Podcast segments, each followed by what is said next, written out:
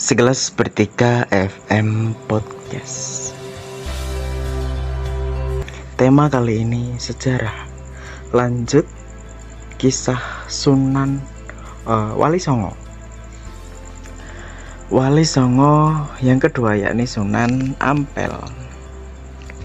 Nama Sunan Ampel sangat dikenal karena menjadi salah satu Wali Songo yang ikut menyebarkan ajaran Islam di Pulau Jawa, Sunan Ampel menjadi satu-satunya wali songo yang tidak lahir di Indonesia karena beliau ini lahir di Campa pada tahun 1401.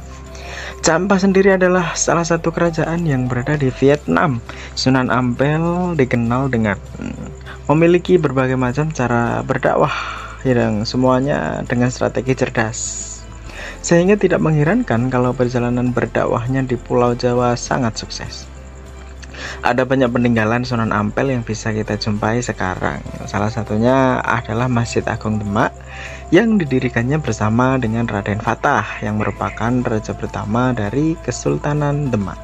Sunan Ampel memiliki nama asli Raden Muhammad Ali Rahmatullah atau yang biasa dipanggil dengan nama Raden Rahmat. Penamaan Sunan Ampel ini ada asal muasalnya. Sunan Ampel bisa adalah keturunan bangsawan karena jika melihat dari silsilahnya Sunan Ampel ini adalah anak dari putri Raja Campa.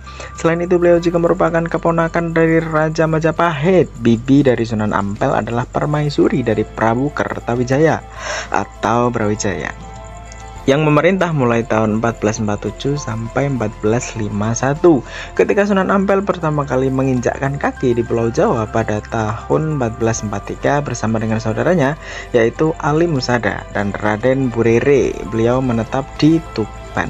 Saat menetap di Tuban, Sunan Ampel mengunjungi kerajaan Majapahit untuk mengunjungi bibinya.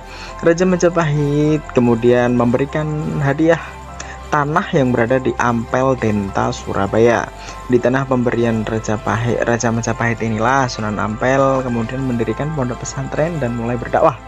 Dari sinilah beliau mulai dijuluki dengan nama Sunan Ampel karena mengambil nama daerah tempatnya berdakwah untuk pertama kali. Sunan Ampel termasuk salah satu pendakwah yang cerdas karena beliau memiliki beragam cara dalam berdakwah tidak pernah kehabisan akal beberapa cara berdakwah Sunan Ampel seperti satu. Lima ajaran dasar yang diajarkan Sunan Ampel. Ada lima ajaran dasar dari Sunan Ampel yang sangat populer di Jawa yakni molimo moh limo dalam bahasa Jawa memiliki arti moh yang berarti tidak mau dan limo yang artinya lima. Arti dari molimo ini yaitu Moh main artinya tidak berjudi. Moh ngombe artinya tidak mabuk. Moh maling artinya tidak mencuri. Moh madat artinya tidak menghisap candu atau obat-obatan. Moh madon yang artinya tidak melakukan zina. Penerapan ajaran dasar ini bukan tanpa alasan di masa itu kebanyakan masyarakat Jawa menganut animisme yaitu kepercayaan terhadap makhluk-makhluk halus dan roh goib. Selain itu tradisi seperti sumbang ayam, sambung ayam, berjudi, hingga bersemedi masih kental di tanah Jawa. Tentu saja kepercayaan ini bertolak belakang dengan ajaran Islam. Dengan adanya lima ajaran dasar tersebut, Sunan Ampel berharap masyarakat bisa terhindar dari hal-hal buruk. Dua, mengubah nama sungai. Mengubah nama sungai. Ada strategi unik yang dilakukan Sunan Ampel berdakwah yakni menamai Sungai Brantas. Sungai ini merupakan salah satu sungai terbesar yang terpanjang di Jawa Timur. Sungai Brantas ini diganti dengan nama Kali Emas. Selain mengubah nama Sungai Brantas, Sunan Ampel juga mengubah nama pelabuhan Jelangga Manik dengan nama Tanjung Perak.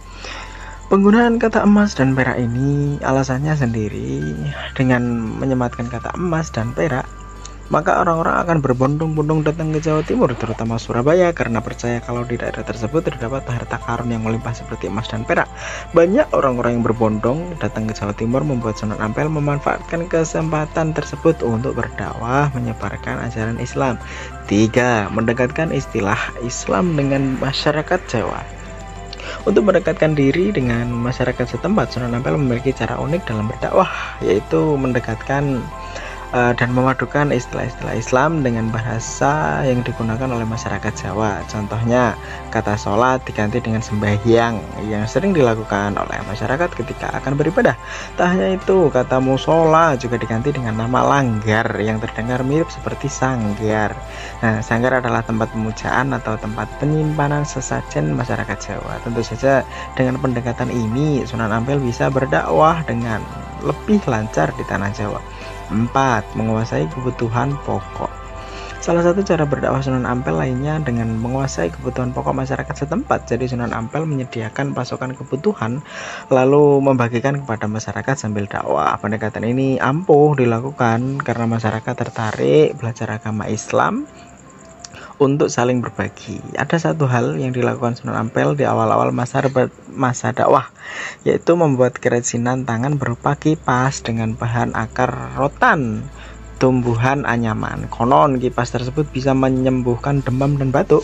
Kipas tersebut dibagi-bagikan secara gratis kepada masyarakat, hanya perlu dibayar dengan mengucap kalimat syahadat.